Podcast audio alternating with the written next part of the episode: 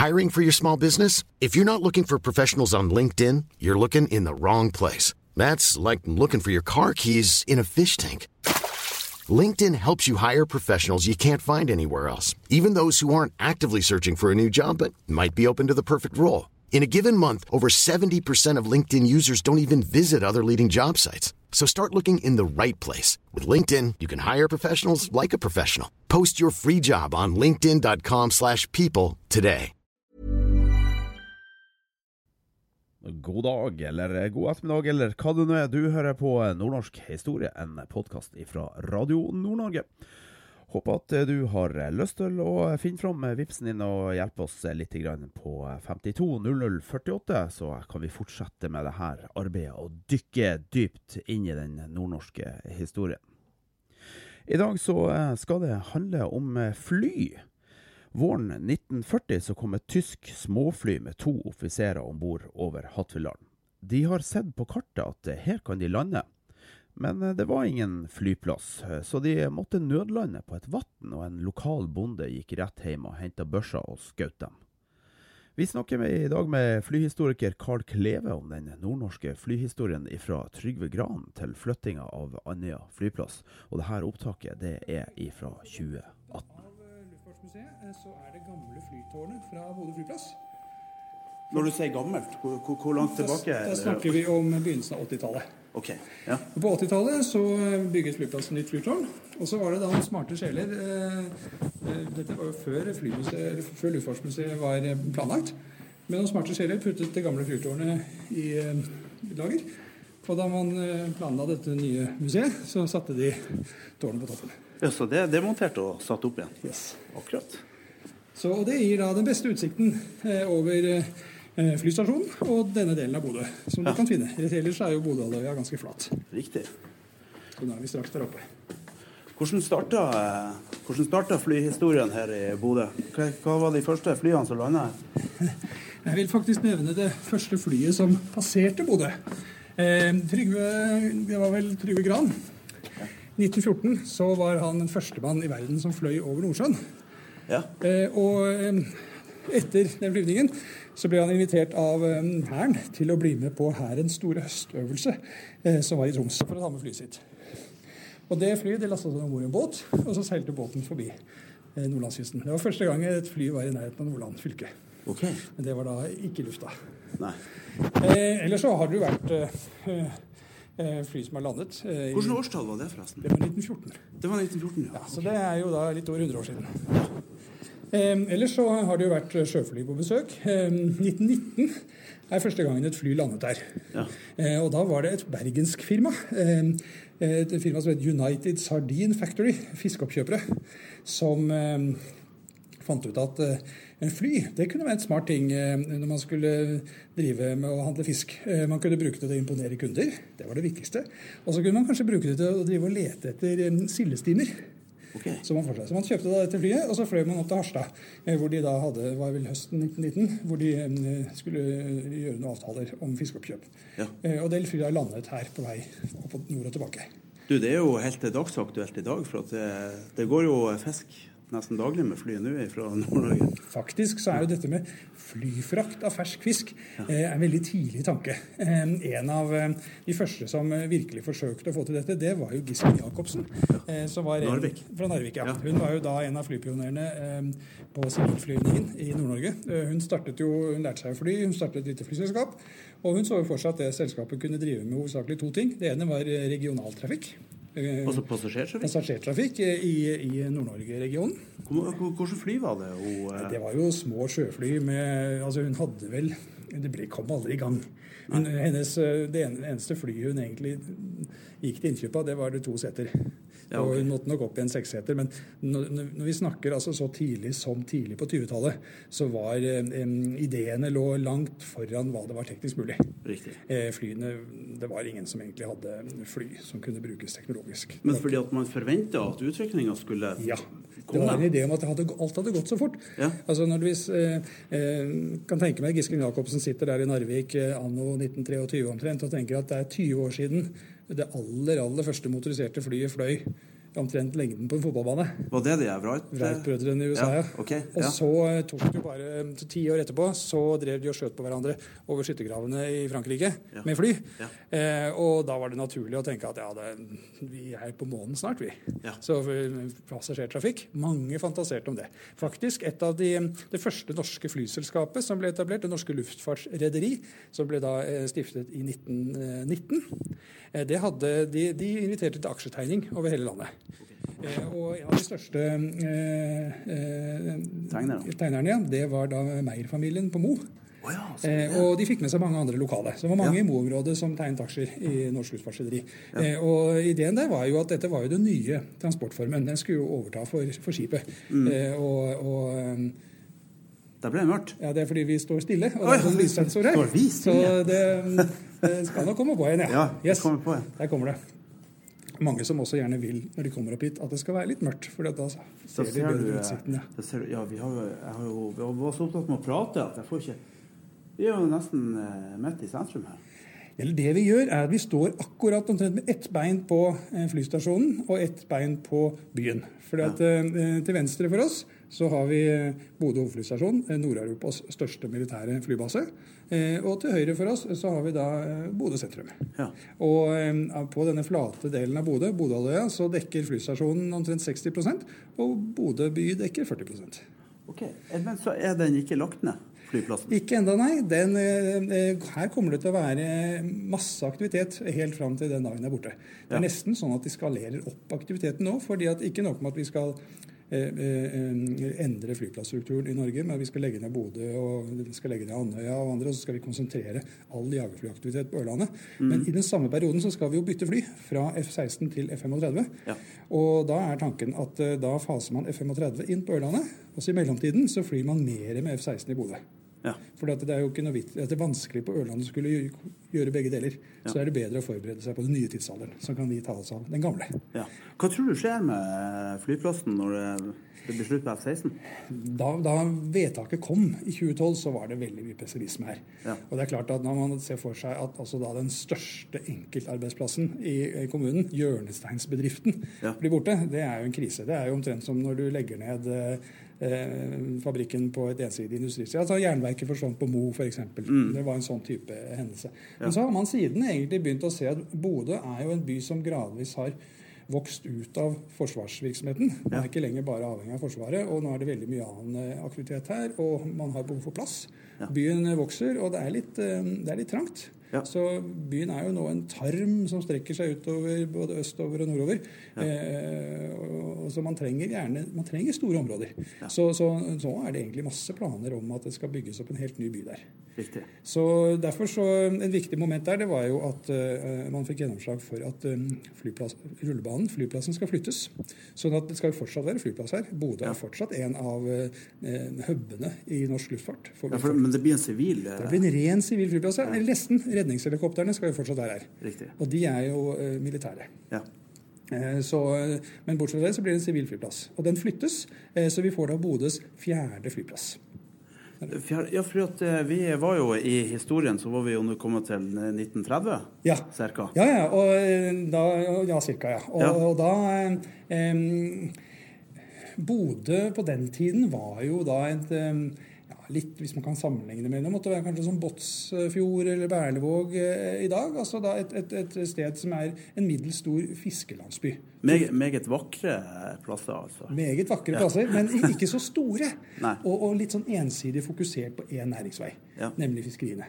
Eh, og um, det er klart det at det var naturlig når man begynner at man tenker luftfart, så er Bodø vil Bodø alltid være naturlig fordi at du trenger på en måte et stoppested på veien.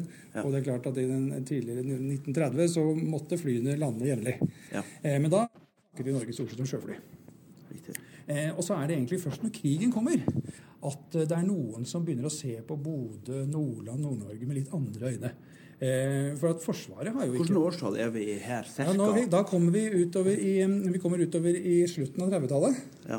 Eh, har da, vi har ennå ikke hatt noen flyplass her. Eh, vi har, vi har mm, eh, når vi, ja, 6, 7, 38 så har Det norske luftfartsselskap så vidt startet med flyruter. Eh, de får konsesjon i 35, eh, og da starter på en måte de første spede forsøkene på faste flyruter i Norge. Men hva skjedde med det der aksjeselskapet? Det Ja, det, første? Jakob, eh, det norske luftfartsrederiet? Ja. ja. det som skjedde, var at de, de kjøpte seg fly og, og søkte staten om pengestøtte og tillatelser til å begynne å opprette ruter. Ja. Eh, Men de fikk ikke noe støtte fra staten, fordi at dette var en tid hvor staten eh, ikke var opptatt av å gå inn og støtte næringslivet. Dette var en helt annen tid enn dag. På den tiden Ja. det fantes jo ikke noe velferdsstat, det fantes ikke noe statlige investeringsmidler eller noe sånt. Staten var en minimumsstat. Ja. Den skulle konsentrere seg om politiet og, og forsvar og utenrikspolitikk og that's it, stort sett. Ja. Eh, så dermed endte det faktisk med at eh, generalforsamlingen vedtok å oppløse selskapet etter to år. Okay. Og tilbakebetalte aksjekapitalen til alle eh, som hadde skutt inn. Oh ja, de klarte det? Det Altså. klarte de, ja, for de hadde egentlig ikke brukt noe særlig penger. Eh, så, så det gikk greit. Eh, så så det, det ble bare et papirselskap. Eh, men allikevel artig som det første forsøket. Og det som er artig med det, er jo at veldig veldig tidlig eh, eh, så så jo folk hvordan, dette, hvordan luftfarten kunne være den måten å knytte Norge sammen. Det er den som kunne overta for båten, for skipet, og, og bli den nye måten å, bygge landet. Ja. Så, så um, det var jo aldri noen som snakket om at toget skulle bli noe særlig annet enn et østlandsfenomen. Eh, og, og, og vei hadde man jo heller ikke i så veldig grad, annet enn lokale veier. Det var jo ikke noe sammenhengende vei mellom Nord-Norge og Sør-Norge f.eks. Det kom jo først egentlig med tyskerne. Ja. Da de bygget, til slutt bygget eh, europaveien med hjelp av serbiske krigsfanger over Saltfjellet. Ja. Eh, Så, så men flyet, det så man jo da allerede, 1919. At, eh, for Meyer-familien snakket jo om det at eh, når de gikk inn og det ble laget en sånn reklamebrosjyre for å invitere flere investorer om at med dette så skulle man etablere flyruter hele veien, eh, i hvert fall til Mo, og, Ja. og etter hvert også hele veien til Kirkenes. Så skulle det bli, eh, det skulle bli eh, nye motorveien. Ja. Men, men det teknologiske var ikke der. Det var, vi må faktisk til etter annen verdenskrig før vi finner at luftfarten har teknologisk blitt så avansert at det er mulig å realisere. Ja. Så på 30-tallet var det jo etablering av flyruter, men alt var sånn un- underskuddsforetak. Eh, Det norske luftfartsselskap, DNL, ble stiftet i 1935. Eh, Og de, Da var staten for første gang interessert i å gå litt inn. Ikke egentlig med penger, men de ga konsesjon eh, eh, til, til DNL. Og, at de, og de kunne begynne å, å fly. Og da, var, da eksisterte det passasjerfly som kunne lande på, på vann, og som hadde plass til en, en, en 16-20 passasjerer. Hva var slags type mennesker som kunne ta en sånn flytur? Ja, da var det forretningsmenn. Ja. Stort sett forretningsmenn eller, eller eh, embetsmenn. Byråkrater, okay. militære. Ja. Det var en veldig liten eh, Men til det ja, veldig liten sak. Altså. Ja. Det kostet en årslønn å fly. Altså. Ja, det var såpass. Kjempedyrt. Ja. Det var det. Og til tross for at det var så dyrt, så greide ikke noe flyselskap å tjene penger. Nei. Det var, var underskuddsforetakene de luxe. Ja, eh, var det så dyrt å ha de flyene, eller? Ja, veldig veldig dyrt å fly dem. Ja. eh, det var jo særlig det. De var dyre innkjøp, de var dyre å fly. Ja. De var ikke særlig sikre. Eh, fordi at de, de manglet jo radarutstyr og sånne ting. Så blir det tåke, og bare Ops, hvor, hvor er jeg nå? Ja. Og ips, der var det en fjell... eh, Uff. Ja, det skjedde jo òg. Eh, Men skjedde det før krigen? Ja, ja, skjedde ulykker før krigen. Ja. Det gjorde det. Du Har du noen eksempel her? Ja, eh, skal vi se Nei, ikke, vi har ikke noen vi har ikke noen sånn dramatiske ulykker her i Nord- Nord-Norge med tap av, av menneskeliv. Eh, Det, i- før krigen, det har vi ikke. Men vi har jo mange, mange ganger hvor fly kullseiler når de skal lande og lette og sånne ting, men hvor Ja. passasjerene overlever. Så det, eh, men du har litt lenger sør på Vestlandet, så har du noen eksempler. Ja. Eh, kryssing av fjorden og sånne ting, hvor fly har gått i fjellveggen fordi de har feilberegnet. rett og slett Hvor det har vært vind som driver deg til høyre istedenfor til venstre, og så tror du at du er et helt annet sted. Er. Eller du du skal ikke så veldig høyt opp i luften heller, for det er veldig vanskelig å avgjøre hva som er opp og ned. Ja. Eh, hvor høyt eller lavt er du? Selv i dag så kan du jo fly treffe fjell. Ja. Sånn som du hadde med Kebnekaise-ulykken for ikke så altfor mange år siden i Sverige. Riktig. Hvor flyet sannsynligvis har feilberegnet høyden. Ja. Så, så disse tingene, det at du, du må faktisk bygge opp et nettverk med, med, med radiostasjoner som kan kommunisere løpende med, med piloten. Alt, alt sammen er, det er mye rimeligere å bygge opp infrastruktur for fly enn for tog, f.eks. Mm. Eh, Men, men du må tross alt ha eh, å investere i denne infrastrukturen. Og, og på 30-tallet så måtte flyselskapet gjøre det selv.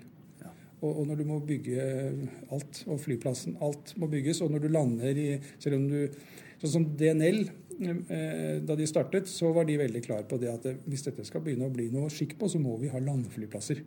Fordi at eh, vi kan jo, hvis vi skal lande på sjøen, så kan vi bare fly om sommeren. Ja. Og det er veldig vanskelig å drive business bare om sommeren. Ja. Og, og, og sommeren i, i Nord-Norge kan være veldig, veldig kort. Det kan være bare to måneder. Ja. og så blir det for mye uvær. Så kan du ikke Og så blir det jo da ustabilt òg. Du står i Bodø og vet nå skal jeg ta fly til Bergen, men flyet kan ikke ta av før om en uke, for det er for dårlig vær. Du kan ikke ha det sånn. Så disse tingene gjør jo også selvfølgelig at eh, regulariteten blir dårlig, men kostnadene, utgiftene, de løper hele tiden. Så, så derfor så var det, var det ikke liv laga sånn sett, selv om mange forsøkte. Faktisk, på 30-tallet så var det en periode hvor det virket som at luftskip kunne være det som ville være fremtiden. Ja. Fordi at luftskip kunne faktisk ta veldig mye passasjerer og veldig mye gods. Det brukte veldig lang tid, men det kunne krysse Atlanterhavet hele veien til USA. Mm. Eh, uten noen sånne store problemer. Et fly hadde ikke sjans til å fly så langt. Nei. Og, og da eh, Prøvde de det luftskip her, her oppe? Eh, nei, her nei. prøvde man ikke det. Det man ikke. Men luftskip ble kun eh, for det, Da snakker vi også om en voldsom investering. Ja. Eh, så det ble litt sånn prestisjeprosjekter for atlanterhavskrysninger. Mm. Eh, begge sider brukte det under første verdenskrig som bombeplattform. Ja. Eh, Det gjorde man. Og, men den eneste gangen vi eh, Eller det er vel en grunn To ganger eh, vi har noe sånn, hatt nærkontakt med luftskip her. Den første gangen var under første verdenskrig, da det var et eh, tysk luftskip som uh, krasjlandet i uh, Hafrsfjord utenfor Stavanger. Ja. Drev ut av kurs. Ja. ja. Eh, så det er noen sånne artige bilder av det luftskipet som ligger sånn halvveis eh, ned i vannet, halvveis opp av vannet, mens folk står på land og ser på. Ja. Og så har du disse her tre her sverdene fra feiringen, markeringen av slaget ved Hafrsfjord ikke sant, i bakgrunnen. Ja. Det er litt sånn artig. Men, eh, men den andre gangen, det er jo da Roald Amundsen Ja. eh, som finner ut at eh, han skal krysse Nordpolen. Mm. Og fly, han har prøvd med fly i 1925, men han kommer ikke frem. Eh, fordi at flyene greier ikke å fly så langt. rett og slett. Han, han ender opp med en nødlanding på isen. Mm. Og, og to fly de greier å kannibalisere det ene og greier å ta av da med det andre. Det er Ja. bare så vidt han berger seg. Ja. Så i, i, i 26 eh, så prøver han igjen med luftskip isteden. Og da kommer han hele veien eh, til Alaska. OK, da klarte han det. Ja, da klarte han det. Ja. Og da flyr han jo ut fra Norge. Det er jo Svalbard som er da det offisielle startstedet, men han har jo først flydd opp til Svalbard. Ja. Så det er liksom, så, men bortsett fra det har vi ikke noen sånn særlig luftskipserfaring her, nei. Nei. Det blir da for de store. Det er bare tyskerne som fløy til USA, amerikanerne fløy til Tyskland. og sånn. ja. Men så, så begynner det å skje ting ute i verden på slutten av 30-tallet. Ja, det gjør det. Fordi at eh, eh, Første verdenskrig viste jo hvilken rolle flyet kunne spille i krig. Ja. Og tyskerne tar den et skritt videre under den spanske borgerkrigen, som er da fra 36 og, fremover eh, i et par år. Eh, der involverer jo tyskere, italienere og russere seg ganske mye, og tyskerne særlig bruker fly. Ja. Eh, Guernica er jo ganske velkjent som et eksempel på terrorbombing, hvor tyskerne for første gang bruker eh, et luftangrep mot en sivil by eh, for å rett og slett terrorisere mm. befolkningen og knekke moralen og få fienden til å gi seg. Ja. altså Flyet jo, viser jo da at for første gang så kan krigen ordentlig komme inn eh, på det sivile området. Det er ikke lenger noe som soldatene gjør på slagmarken Nei. mens eh, sivile livet går sin gang. Ja. Eh, nå kan, bringe, kan krigen bringes inn. Så Var det noen av de militære flyene som har vært her oppe i Nord-Norge? Altså de norske militære flyene? Ja da, det hadde det. Vi hadde en utover på altså vi, vi fikk jo etablert da i 1912 allerede så vidt en hærens flyvåpen og også en marinens flyvåpen. De hadde bare hvert sitt fly, så det var ikke store greiene. Men når du kommer ut på 30-tallet, eh, eh, så er det flyavdelinger over hele landet. Så du har Hålogaland flyavdeling som ligger da lenger nord oppe i Troms. Okay. Eh, med, med enkle eh, sjøfly. Eh, dobbeltdekkere. Ganske sånn eh, Altså det var også sjøfly? Altså, så, ja, sjø, ja, det var det. det, var det. Vi, når, vi kommer, altså, når vi kommer til den tyske invasjonen i 1940, så har vi tre større sivile landflyplasser som nettopp er åpnet. Og det er da Fornebu og, og Kjevik og Sola. Ja. Eh, og så har du da en militær gressflyplass på Bardufoss. Og så har du en masse planer om militære flyplasser. Hattfjelldal og andre steder, men, men de fins ikke ennå. Eh, så tyskerne tror jo at mange av disse fins. Så de sender jo blant annet Men Kjeller var faktisk ja, også Kjeller, selvfølgelig. Ja. Ja. Eh, men da snakker vi også om gress, da. Det var gress på Kjeller òg? Ja, gress på Kjeller også. Ja, okay. det er det. Ja. Og om vinteren så lander man på ski. Ja. Det, norske bidraget til eh, luftfartens tidlige, luftfartens tidlige oppfinnelser, det er ski Riktig. og fly. Ja. For å kunne lande på, på strand. Du, eh, jeg har jo drevet, jeg har reist i hele Nord-Norge og Ja. intervjua folk om å prøve å få fram historier som ikke er så veldig kjent. Ja. Eh, og i Hattfjelldal så kommer det over en eh, historie. Det er altså eh, to tyske offiserer Ja. eh, som er antageligvis rekognosering og leter etter denne flyplassen. Hvor kan de lande henne? eh, og der går de da fri for fuel. Og må lande på et lite vann oppe i Hattfjelldalen, eller, eller egentlig i Grane kommune. Mm. Eh, en lokal bonde ser jo det her og har jo hørt på radioen at det er krig, så han skyter jo han ene offiseren og dreper han, og så sårer den andre. Ja. Men den historien har jo, ble jo skyssa bort veldig fort. Så det er veldig lite rapporter om den. Men kanskje det kan ha vært første landinga i Hattfjelldalen der? Det, det høres eh, ut sånn, ja. Det, eh, Jeg har ikke hørt om noen andre landinger der, nei. Eh, eh, tanken bak eh, flyplass ved Hattfjelldal var nok mer det at eh, den tidens fly har ikke så lang rekkevidde. Eh, så det er ikke realistisk å, å, å kunne fly hele veien opp til Bardufoss eh, fra Trondheimsområdet. Ja, du har jo ikke egentlig flyplass der heller, for den Værnes flyplass blir jo bygget egentlig av tyskerne. Ja. Den også. Så, så Hattfjelldalen er en sånn, et perfekt sted for en sånn mellomlanding. Ja. Men der sa du at de kanskje allerede var begynt å bygge? Så det, det jeg har hørt Jeg har ikke vært der nede og, og sett, men det jeg, har, eh, det jeg har hørt, er at, man, at det var begynt å bygge ut noen bygninger. Mm. Eh, men at det ennå ikke var laget noen rullebane. Nei, okay. Nei. Eh, men at det dro tyske styrker opp dit, fordi de, på kartene sto det Ja. at det var, alt var klart. Ja. Eh, så uten at det var det. Så, så, men, men eh, like før den tyske invasjonen så la jo Forsvaret eh, veldig mye store planer. Ja. Eh, Så det skjedde veldig mye på forsvarssiden i Norge akkurat de siste par årene før invasjonen. Men det var ingenting av det som egentlig var kommet i effekt. Nei. Var det så lurt å drive og tegne inn de her eh, planene? Det var vel ikke så mange som hadde sett for seg at, at tyskerne skulle greie, få greie på det. Nei. Eh, Altså, etter krigen så når, når Forsvaret skulle da drive og, og tenke på hvordan de skulle stille seg til fremtidig sivil luftfart, Ja. om det skulle, hvordan det skulle stille seg til at det ville komme utenlandske flyselskap, for eksempel, som skulle ønske å fly til Norge og fly over Norge og sånn, og man var jo i utgangspunktet veldig skeptisk til å slippe andre lands flyselskaper inn. Ja. Eh, og en av de tingene man da, eh, som det står beskrevet i, i en del av, av møtereferatene, det er at man har blitt etter hvert temmelig brennsikker på at Lufthansa-ruten til Gressholmen, som var sjøflyplass utenfor Oslo, Ja. den, det var spionrute. Det var spionrute. Ja, det var spionrute. Der, eh, det brukte de Lufthansa. Når de eh, fløy, så drev de og tok bilder og kartla med det samme. Ja. Så, så eh, man var nok ikke klar over før krigen kanskje det omfanget av tysk etterretningsvirksomhet som sannsynligvis hadde pågått. Han, eh, han Benneke, som eh, utga seg for å være tysk handelsattaché. Han sies å ha bedre oversikt over eh, norske militære installasjoner enn noen i Forsvaret i Norge hadde i 1939. Det kan jeg godt tenke meg. Det kan jeg godt tenke meg. Det virker så Forsvaret i Norge var, var litt i uorden Ja. på den tiden. Det var det. Det var politisk omstridt òg. Det var jo konflikter. hvis man, man kan, altså Arbeiderbevegelsen for eksempel, hadde jo sterke problemer med Forsvaret. fordi Ja. at Forsvaret før andre verdenskrig var jo også mye mer politisert. Mm. Eh, vi går tilbake til 20-tallet, så var jo, var jo helt vanlig at, at forsvarsministeren var militær. Du hadde kanskje en egen marineminister som også var en militær. Mm. Hvor altså da Forsvaret var en aktiv del av politikken. Litt sånn Ja. som du i dag ville tenke kanskje mer på Latin-Amerika eller sånn. Sånn at eh, eh, det er klart at det var folk på venstresiden, eh, så, så var ikke Forsvaret noen nøytral part. Nei, fordi at eh, Forsvaret var gjerne ofte styrt av de politikerne som var bedriftseiere. Og, Ja, det var nok var mer politisert i hvert fall. Ja. Det var nok mer sånn trykk basert på høyresiden. Og da er det klart at når da Arbeiderpartiet arbeid, og eh, arbeiderbevegelsen får større makt, så, er jo, så, så, så har man, får man problemer med å samarbeide med Forsvaret. ja. Eh, Så nå skjedde det jo en utrenskning der sånn sett da eh, i løpet av krigen også, naturlig nok. Sånn at det nye forsvaret som sånn sett ble bygget opp etter krigen, det er, det er jo da mye mer apolitisk. Ja. Og i etterkrigstiden så har det jo vært veldig viktig for Forsvaret i alle vestlige land at man skal ikke knytte seg opp mot enkelte politiske retninger. Nei. Det er noe man har man lært av eh, mellomkrigstiden. Ja. Riktig. Men eh, skal vi se litt på eh, de fire flyplassene som var her i, i Bodø? Ja. Eh, fordi at nå for den nevnte den, altså den aller første ordentlige flyplassen, den er det jo da Den kom jo som et resultat av krigen. Men, men snakka du nå om den gressbanen som ble bygd i 39? Yes, Nei, Ja. den ble bygget i 40.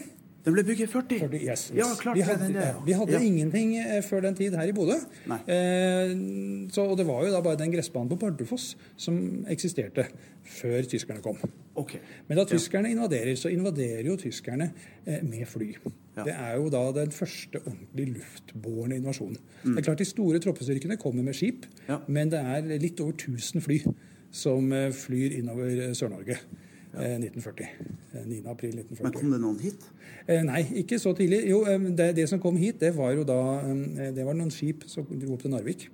Ja. Så de lanserte jo et overraskelsesangrep på Narvik. Mm. Og det var jo det var jo for tyskerne Det var egentlig for langt. Så alt det, det de hadde av skip, det ble jo senket. Og styrke, så styrkene var jo vanskelig å forsyne dem. Ja. Eh, derfor Etter hvert så forsøkte man jo da blant annet Derfor var tyskerne opptatt av å bygge flyplasser oppover i Norge etter hvert som de erobret stadig større deler av Norge. Ja. For å kunne forsyne styrkene som sto i Narvik, og ikke hadde noen ting annet enn det de kom med. Nei, Eh, og Derfor var jo Narvik det eneste stedet hvor vi nordmenn faktisk hadde luftherredømme. Fordi at vi hadde flyavdeling der oppe. I tillegg til at britene kom inn med et hangarskip med eh, Hurricanes og Gladiators. Så vi hadde fly som kom fra Bardufoss, da? Eh, ja, vi hadde, stemmer det. Vi hadde en Ok. Hålogaland flyavdeling. Og hva, vet, vet du noe om mengde fly og Nei, Det var én avdeling, så hvor mange fly kan vi ha hatt eh, der oppe da? En Åtte-ti stykker, kanskje? Hvilken flytype er det vi snakker om? snakker vi om altså, da, eh, Jeg husker ikke helt hva de var utstyrt med der oppe, men jeg mener at det var eh, dobbeltdekkere.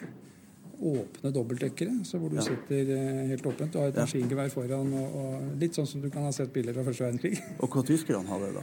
Eh, Når tyskerne til slutt kom opp dit, eh, så hadde jo de moderne eh, mo- mo- moderne Messerschmitt og Ja, riktig. Ja. Messerschmitt og Focke-Wulf og sånne Ja. ting. Noe helt annet, selvfølgelig. Sånn at i Sør-Norge så ble de norske flyene skutt ned med en gang.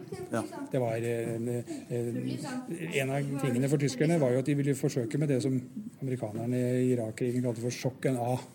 Ja. At du kommer inn med en massiv eh, flystyrke eh, for å få folk til liksom bare Oi sann, dette her er bare å legge seg der med en gang. ja. Eh, og de norske Men altså, vi gjorde jo ikke det. Eh, danskene gjorde det. Eh, men de var selvfølgelig også mye nærmere. Ja. For der var det vel 1500 fly som kjørte over København og overbeviste danskene om at dette nytter ikke å stå imot. Men, men i Norge så, så fungerte ikke det helt på samme måten. Nei. Det tok jo to måneder før Norge var, var falt. Ja. Men, eh, og, og, men her eh, involverte jo engelskmennene seg også mye mer. Det var jo vel en hvor mange engelske tropper var det som eh, gikk inn? I hvert fall en 30 000-40 000 engelske tropper. eh, som var der, ja. Og så har du litt franske og polske. Ja. Så Spesielt oppe i Narvik eh, så hadde du jo eh, to franske og to polske brigader i tillegg til en engelsk. Og så hadde du de livsfarlige fra skytterlagene i Nord-Norge. Ja. Som plukka tyskere som eh, Klart det, ja, her var det, det var mye mer av sånn, sånn type motstand her. Ja. Hvor det ble aldri noe sånn koordinert motstand sørpå, men du hadde mange sånne lokale initiativer. Ja. Eh, så du fikk, eh, eh, og, og tyskerne hadde selvfølgelig vanskeligheter med også, også eh, komme inn med store styrker pga. geografien.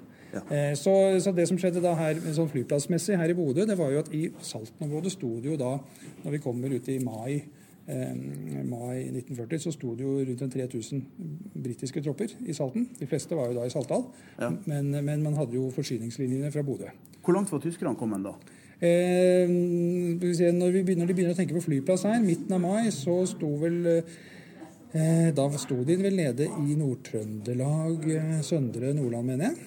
Ja. Mener de var kommet, eh, kommet så langt. De var vel eh, snakk om at hvis vi sier at de eh, etter hvert begynte å nærme seg Mosjøen rundt omkring Jeg er ikke 100 sikker på nøyaktig hvor de lå. men, de men- var, men, men de var ikke kommet til, til. Saltdalen? Nei, det var de ikke. Nei. Eh, De var på vei, men de slet jo med det at når de kom til Mosjøen, så stoppet veien. Ja. For det var ikke noe vei over, over eh, Og jernbanen stoppa der. Og jernbanen stoppa også. Yes, yes. Så, så derfor så måtte de jo dra disse kanonene sine over, eh, over fjellovergangen. Hva heter denne fjellovergangen mellom Mosjøen og Korgfjellet. Korgfjellet? Yes. Komme seg over Korgfjellet, det var eh, ikke moro. Det har vi òg slettet med i mange år i Yes, etterkant. yes. Eh, Så det tok tid. Så stoppa ja. litt opp. Eh, Så hadde man jo da fått bygget flyplass på Værnes. Ja. Frenetisk innsatt, utkommanderte nordmenn til å bygge. Eh, Så her gikk det jo da ut i midten av mai, jeg lurer på om det var 16. mai, så en annonse i, i, i alle Bodø-avisene om at alle arbeidsføre bodøværinger skulle melde seg eh, her ute på Stormyra med hakk og spade. Så skulle man bygge flyplass. Ja. Fikk de betalt for dette, eller var det bare var, var krigsinnsats, eller? Jeg har ikke hørt om noe betaling. Nei. Det har jeg ikke. Jeg tror det var krigsinnsats. Jeg tror det var frivillig innsats. Men jeg skal ikke øh, øh, Jeg har ikke lest noen rapporter om disse tingene. Nei. Jeg har bare rett og slett sett annonsen og fått beskrevet hvordan folk strømmet til. At det var en 600-700 stykker. Og folk kom. Ja, ja, folk kom. Yes. Hvor mange var det som bodde i Bodø da? da snakker vi om en mellom 5000 og 6000. Ok. Eh, og etter hvert man hadde jo altså Utover gjennom mai så ble en del evakuert. Ja. kommunen sørget jo for at ble på en måte de enkelte kommunene litt sånn overlatt til seg selv. Eh, så Kommunestyret her eh, sendte ut evakueringsvarsel, og, og, og kvinner og barn og, gamle ble bedt om å de som kunne, ble bedt om etter hvert å evakuere. Ja. Ja, så, og, så folk dro jo da ut da vi snakker om evakuering, man dro ikke så langt. Det kunne Nei. være at man dro til Løpsmerka f.eks. Ja, okay. Man hadde hytte. ja. og, og, så For byen da var jo innafor snippen. altså Det var jo en ganske liten by. Det var jo det som i dag er sentrum. Det var det som var i byen. Men ble det bomba her? Var det flybomber? Ja, et par ganger så kom det tyske fly forbi. Eh, I denne perioden? Yes, ja. midten av mai, og slapp bomber. Du hadde en episode, det, eh, jeg husker ikke nøyaktig dato, men det var også midten av mai, hvor du hadde et par britiske Eh, eh, skip, nei, britiske eh, fly, flybåter som landet. De hadde vært ute på rekognoseringstokt i området. De landet her, og da kom det tyske fly og, og forsøkte å senke dem. Okay. Og bombet dem. De lå, de lå i havna? Ja, de lå i havna ja. her inne. Ja. ja og, og, og, til slutt så, og de ble truffet. Og, det ene Man forsøkte å trekke de vekk eh, ifra, eh, ifra, byen, sånn at ikke tyskere skulle komme tilbake. For de ble først for, forsøkt bombet, og så ble skadet. Og så forsøkte man å trekke flyene vekk fra byen, så ikke mm. tyske fly skulle komme og bombe ja. et uhell. For det var ikke så veldig presis bombing. eh, og til slutt så ble, ble, de utsatt for bombing igjen ute ved det som i dag heter Geitvågen. Okay. Og der eh, ble de senket. Og der, så vidt jeg vet, så ligger de der fortsatt, de britiske flyene. da. Det er noen biter som er blitt uh, fisket opp, eh, så vi har et par biter av dem på museet.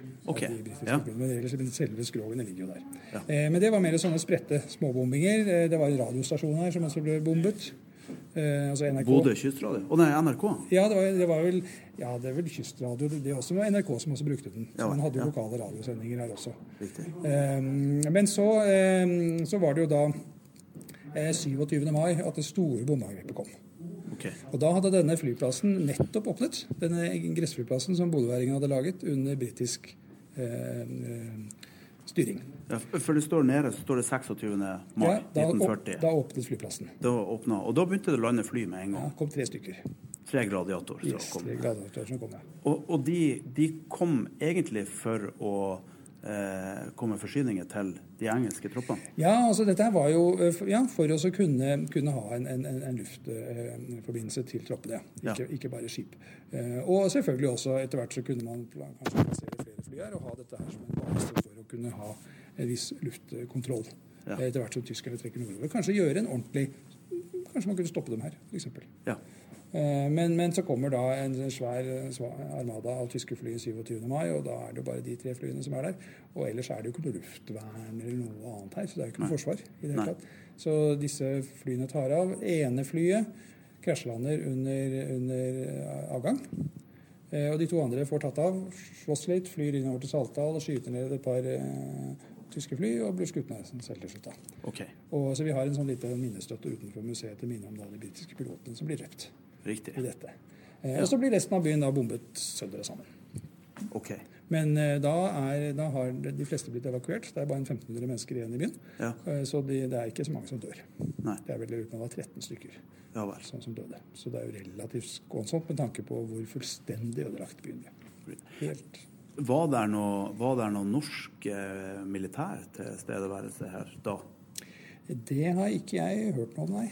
nei. Bare britisk, så vidt ja. jeg vet. Okay. Det kan hende at det var noen lokale eh, styrker. Jeg har ikke hørt om noen norske, men Vi hører bare snakk om de britiske. Ja, akkurat. Ja. Men den flyplassen hvert fall, som ble bygget, den, jo, ja. den, går jo omtrent her. Okay. Vi står ja. jo på den. Vi står det på ja, den. vi gjør det. Den var ikke så veldig lang. Vi snakker om omtrentlig eh, Jeg har hørt litt forskjellig, men det jeg har hørt, er at den gikk fra omtrentlig Circle K-stasjonen, som ligger et par 300 meter mot vest, og så under oss, og så bort til omtrentlig Trekanten kjøpesenter. Okay. Som ligger da 100 meter mot, mot øst. Ja, så, men har, det er nå 500-600 meter? Ja, det blir det til sammen. Så det blir jo et stykke. Ja. Det blir det. Med selve stripa var 400 meter, så vidt jeg vet. Okay. Og så har du litt sånn her ryddet areal i begge ender, ja. i tilfelle flyet bommer litt. Riktig. Så det var da det, det flyet som eh, eh, ikke greide å ta av. Det krasjlanda. Vi har en sånn bilder av det hvor det står da med snuten ned i bakken og kroppen opp. Eh, omtrentlig eh, krysse gamle ringvei og innkjøring til sitt nord. For de som er kjent i Bodø. Ja, akkurat. Ja. Og så kom jo da eh, Tyskerne kom jo hit. Eh, Men fremdeles så tar det en stund før det kommer tyskere. Engelskmenn evakuerer fordi at tyskerne invaderer Frankrike. Og da bestemmer britene seg for at alle styrkene her det er, Vi gir opp Norge. Det er ikke noe særlig vits i å kjempe mer. Nå må vi heller prøve å berge Frankrike. Ja. Så blir alle styrkene trukket ut i begynnelsen av juni. Eh, og da har jo de tyske styrkene som er inne i Narvik, de er jo nesten slått. Mm. men eh, det ender jo med at eh, nordmennene der oppe gir opp.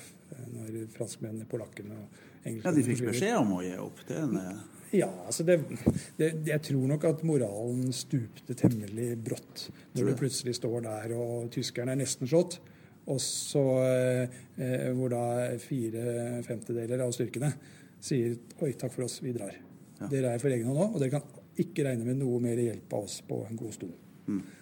Da, og så vet man at eh, ok, det er greit nok at vi har nesten slått denne lille gutten med tyskere, men like der nede så kommer det eh, 80 000 til. ja. Så jeg tror nok at det føltes ganske håpløst. Ja. Uten at jeg Det er Nøyaktig omstendighetene eh, er, er, det er ikke mitt spesialområde. Det er mange andre som kan mer enn meg. Men eh, i hvert fall så, så, så, eh, så gir vi opp, da. Eh, og da, Det tar jo fortsatt en stund før tyskerne faktisk kommer med føtter på bakken. Eh, her i Bodø kommer de i eh, hva er det, 21. juni, tror jeg det er. At det kommer inn et sykkelkompani Sykler syklende inn. Det er ganske artige bilder av dem. eh, tunge frakker og hjelmer, og så sykler de inn i byen. Ja. Eh, og, og, og da er men, men da har vi jo gitt opp, da. Så det er jo ikke noen som, det er ikke noen motstand eh, på den tiden. Tyskerne etablerer seg her sånn. Bodø blir eh, for dem også et viktig støttepunkt. eh, og, og tyskerne ser en militær verdi i Nord-Norge som i grunnen ingen andre har sett før. Eh, fordi at de har jo ambisjoner om å bruke Nord-Norge som eh, en plattform for verdensherredømme. Mm. og rent konkret så er det en front mot Sovjetunionen.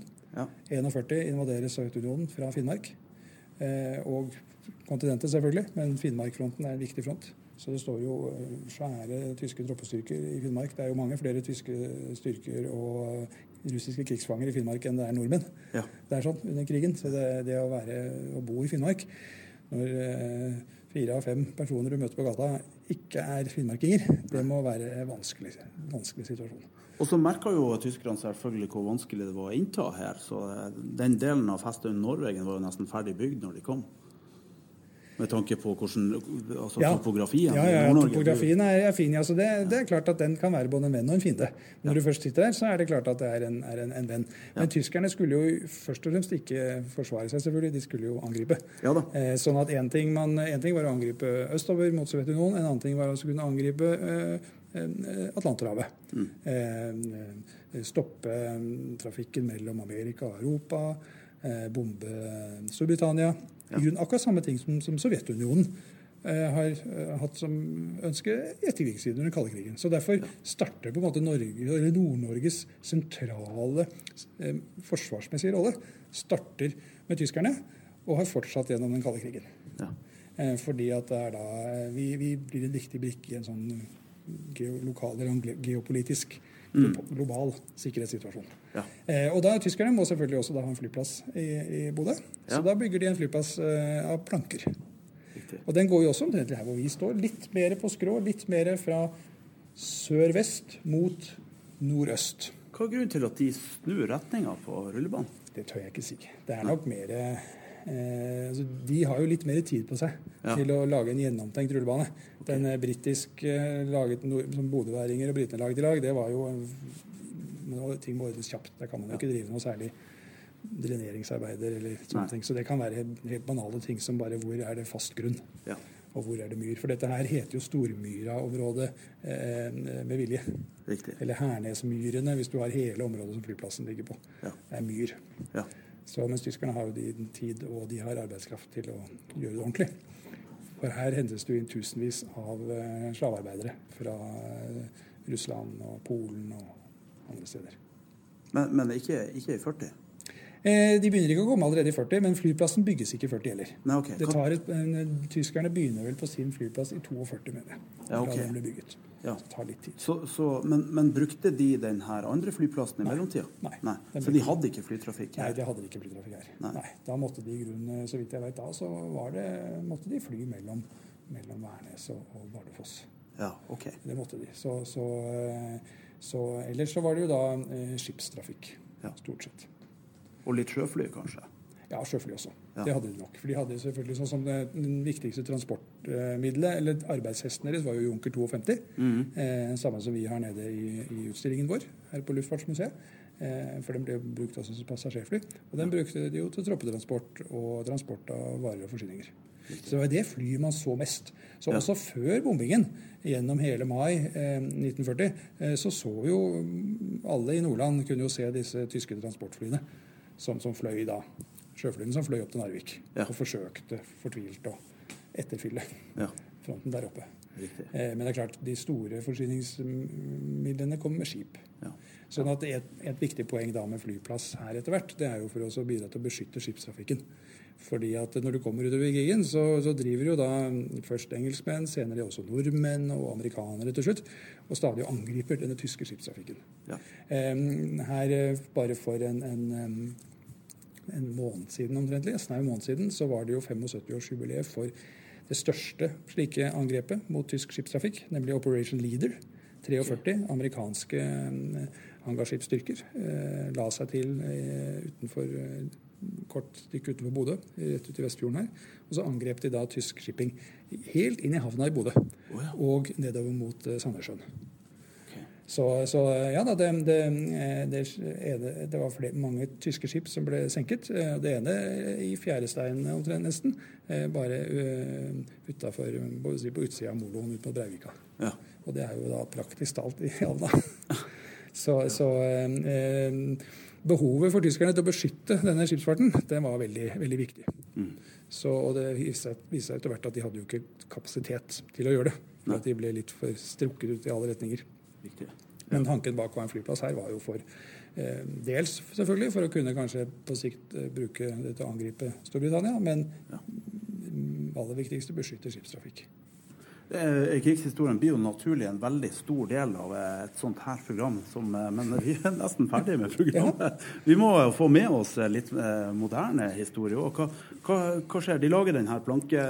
Ja, og så kommer, Når krigen er ferdig, så har du jo en periode fra tyskerne legger ned våpnene våren i mai 1945 og så fram til ut i 46, hvor, eh, hvor det er litt sånn kaotisk. Eh, Ja. det tar jo, Du må ut i 46 før egentlig vi har fått regjering og storting og alt sånne ting i orden. I mellomtiden så har du en, en britisk militæradministrasjon som eh, holder lov og orden. De er mest opptatt av å sikre tysk krigsmateriell, ta tyskere til fange og sånne ting. Ja. Mens de lokale kommunene må styre seg sjøl i veldig Ja. stor grad. Ja. Bodø trenger jo fortvilt gjenoppbygging. Alle byer som er utbombet, eh, og hele fylker, sånn som Finnmark, som er helt ødelagt, må gjenoppbygges. Det må først og i førstningen, så må folk fikse det sjøl. Dere hadde masse planker her? Ja, det var det, alle disse plankene som lå her. Ja, det det? Så dermed så dro jo folk selvfølgelig og henta dem. Ja, de gjorde det? Yes. Så dermed så er det, det er masse bodehus eh, som er bygget på planker fra den tyske flyplassen. Tross alt, Det er jo ikke sånn at plankene var tyske. Plankene kom jo herfra. Det var jo nordmenn som hadde høgd tømmeret i sine egne skoger og høvlet og ordna. Eh, sånn at altså, Tyskerne hentet jo ikke sånne type eh, ressurser fra Tyskland. Alt du kan se eksempel i området her sånn, og i resten av Nord-Norge, så vi vasser jo i uh, tyske små og store tyske betongkonstruksjoner. Ja, Kystfort og skyttergrav og alt sånt. Det er jo lokalt produsert alt sammen. Så det er jo, det er jo nordnorsk betong. Brakken de hadde de med seg, ble produsert i- eh, Ja. i Tyskland. Og, Det må være noe av det eneste, nesten. Ja, I tillegg til våpenet. Er Ellers så var det lokalt. Det var eh, man, ja. men, men det er noe vi skulle jo bevege oss litt videre. Ja, ja. Eh, I hvert fall så eh, bryter det jo på en måte ut til en ny krig. Fordi at eh, annen verdenskrig er jo bare, på en måte bare en liten sånn pause i det som etter hvert blir en sånn øst-vest-konflikt mellom det kommunistiske Sovjetunionen eh, og eh, det demokratiske eh, Vest-Europa og Nord-Amerika. Så i 49 så eh, dannes jo Nato-alliansen. Eh, fordi at de vesteuropeiske allierte fra krigen og andre ser jo at her trenger vi egentlig å stå sammen for å hindre at Sovjetunionen eh, kommer videre vestover etter at Tyskland er, knekt. Og Norge melder seg jo inn tidlig, for vi ligger jo tross alt helt på grensen. Vi er det eneste Nato-landet på den tiden som grenser opp mot Sovjet. ja. Eh, og så kommer Korea, eh, Berlin-blokaden i samme året. Vi har Koreakrigen 1950-51. Alle disse tingene gjør at vi føler et veldig sterkt behov for en kraftig forsvarsallianse. Koreakrigen særlig oppfattes her av mange som en sånn prøveballong fra Sovjetunionens side. Går dette bra, så kan vi gjøre det samme i Vest-Europa. Mm. Eh, og da bestemmer Nato seg for at de må, eller amerikanerne først og fremst spytter inn masse penger i eh, militært utstyr og infrastruktur. Ja. Eh, og Norge, som en frontlinjestat, får nyte veldig godt av dette. Så i 51 så bestemmer, bestemmer vi oss for at vi skal søke Nato om pengestøtte til å bygge sju militære flystasjoner. Og en av de er her i Bodø. Ja. Så da begynner man byggingen av en flystasjon som åpner da i 52. Hvor mange av de flystasjonene er i Nord-Norge? Eh, skal vi se det, er jo her, og det er Evenes, og det er Anne Eller av de opprinnelige sju ja. var det Bardufoss og Bodø. Okay. Men, så, og, og, men, året etter, 52, begynner man på vet man Andøya. Ja. Og så kommer da Evenes og Høybuktmoen, Kirkenes. Og ja, det er det som er her. Ja, ok. Ja. Eh, så, så, eh, men de er jo svære, svære, flyplasser. Og spesielt Bodø blir jo bygget ut til å bli den største i Nord-Europa. Okay. Ja. Så den dag i dag så er dette en av de aller største militære flystasjonene i hele Europa. Hvis ja. du ser bort fra, bort fra Russland, så, så er, det, er, det, vel bortimot den største i Europa. Okay. Ja. Eh, og, det, og, dette her er jo da finansiert eh, først og fremst av USA. Det var jo en tanke i utgangspunktet om at eh, alle Nato-land skulle spytte i penger. Mm. Eh, at i hvert fall 40% skulle være lokalt finansiert. Men i praksis så ender det opp med at amerikanerne tar det meste av regningen. Okay. Eh, og, og, det er jo også fordi at utviklingen går, atomvåpnene utvikler seg, og måte, behovene øker og øker. Så flystasjonen her eser ut. Eh, da Sovjetunionen sprenger sin første hydrogenbombe i 52 Eh, så begynner jo da luftkommandoren i Nord-Norge, eh, Odd Bull, å tenke over at hm, atombomben det endrer krigsbildet. Han holder et foredrag i, i Natos eh, kommando Shape i Paris i 1955 om faren for atomangrep mot Bodø. Og hva kan gjøres for å begrense skaden. Og han tenker på det militære. Ja. Han kan ikke gjøre noe med at byen blir en rykende ruinhaug. Men han foreslår at hvis vi bygger ting i fjell, ja. putter eh, fly og kommandoplasser og mest mulig inn i atomsikre fjellanlegg, så kan vi kanskje berge mest mulig. Ja. Da begynner man byggingen av et kjempedigert fjellanlegg her på flystasjonen, som vi på museet nå håper at vi kan bevare som et festningsverk fra den kalde krigen. Ja. Eh, I tillegg, alle stedene hvor man ikke kan bygge fjell, så foreslår man at eh, flystasjonene i hvert fall bør spre seg utover, sånn at de ikke kan slås ut av én en enkelt bombe. Okay. Så får du sånn som Det mest ekstreme eksempelet er jo da på Andøya. Hvor du har eh, eh rullebanen ganske nært sentrum. Mm. Mens eh, eh selve militærleiren med det meste av det andre eh, ligger i Karsteindalen 15 km unna. Ja. Bak en liten sånn Og hvem er det som eier Skarsteinsdalen i dag? Jeg er litt usikker. Det er ikke Forsvaret, i hvert fall. Nei, det er østeuropeere. Nei, det er østeuropeere sånn, ja. Ok, ja, det er jo litt morsomt. Ja. ja det, er litt morsomt. det var russiske skip som leide seg inn i Olavsvern, tror jeg, som var den største ubåtbasen i Nord-Norge. Ja. Yes, nei, ting ja. har skjedd. Ting har skjedd. Men i hvert fall så blir det da, når du først får en militær flyplass her, og flere andre steder Mange av de største flystasjonene, eller flyplassene i Norge er jo da bygget for militære midler. Ja. Eh, og, eh, og, kan jo da også etter hvert brukes til siviltrafikk. Mm. Og dermed blir det jo eh, den sivile luftfarten, Mye av grunnlaget for den sivile luftfarten blir da mye enklere når du Forsvaret tar regninga. Ja. Så dermed så blir jo Norge da etter hvert luftfartslandet av ja, uten sammen. Vi, vi, flyr mer enn noen andre i verden ja. etter hvert. Og det blir en sånn, På 60-tallet kommer kortbanenettet fordi vi ser det at hmm, vi har dette store stamnettet som vi nesten ikke har betalt noe for. Ja. Eh, da kan vi i hvert fall bekoste et sånn sekundærnett som kan mate folk inn til kortbanenettet. Dermed kan vi også lettere opprettholde bosetting ute i distriktene. Ja. Og så får vi da et, et, et eh, nettverk av, av, flyplasser og flyruter som er uten sammenligning med noe annet land i verden. Og Nord-Norge er jo da Nord-Norge og Vestlandet er jo da særlig det er de to områdene som har dette. Riktig. Så der har du flyhistorien i Norge et lite nøtteskall. Ja. Men, du, men da har vi fått tre. Også... Ja, Den fjerde den kom jo nå. fordi at eh, nå eh, I 2012 så besluttet da Stortinget at vi skal eh, rasjonalisere de militære flystasjonene. Vi skal ha færre flystasjoner, konsentrere det mer. Så Bodø hovedflystasjon legges ned, og flyene flyttes til Ørlandet. Eh, men det skal jo fortsatt være flyplass her. Men istedenfor bare å beholde denne her rullebanen som da vil ligge på en måte midt i byen, og litt mm. sånn kronglete til, så greier eh, krefter i, i, i Bodø, Bodø kommune spesielt, å få Stortinget til å se at, og Avinor til å se at for å kunne frigjøre, bruke dette arealet som frigjøres noe fornuftig, så bør vi kanskje flytte flyplassen til utkanten. Ja. Så da blir det bestemt at da legger vi ned og fjerner sporene av dagens flyplass, og så bygger vi en helt ny flyplass en eh, kilometer, snau kilometer mot eh, sørvest. Og Det blir da den fjerde flyplassen i Bodø. Og den er da ennå ikke bygget.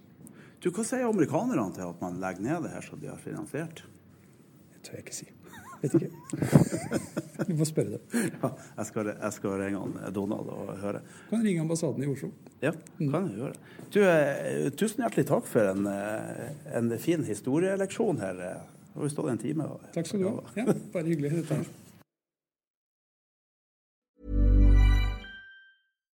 When you make decisions for your company, you look for the no-brainers. And if you have a lot of mailing to do, stamps.com is the ultimate no-brainer. It streamlines your processes to make your business more efficient, which makes you less busy.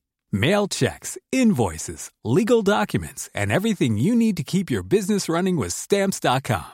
Seamlessly connect with every major marketplace and shopping cart. Schedule package pickups and see your cheapest and fastest shipping options from different carriers. With rates up to 89% off USPS and UPS rates. And with the Stamps.com mobile app, you can take care of mailing and shipping wherever you are. Make the same no-brainer decision as over 1 million other businesses with Stamps.com. Sign up with code PROGRAM for a four-week trial, plus free postage and a free digital scale. No long-term commitments or contracts. That's Stamps.com. Code PROGRAM.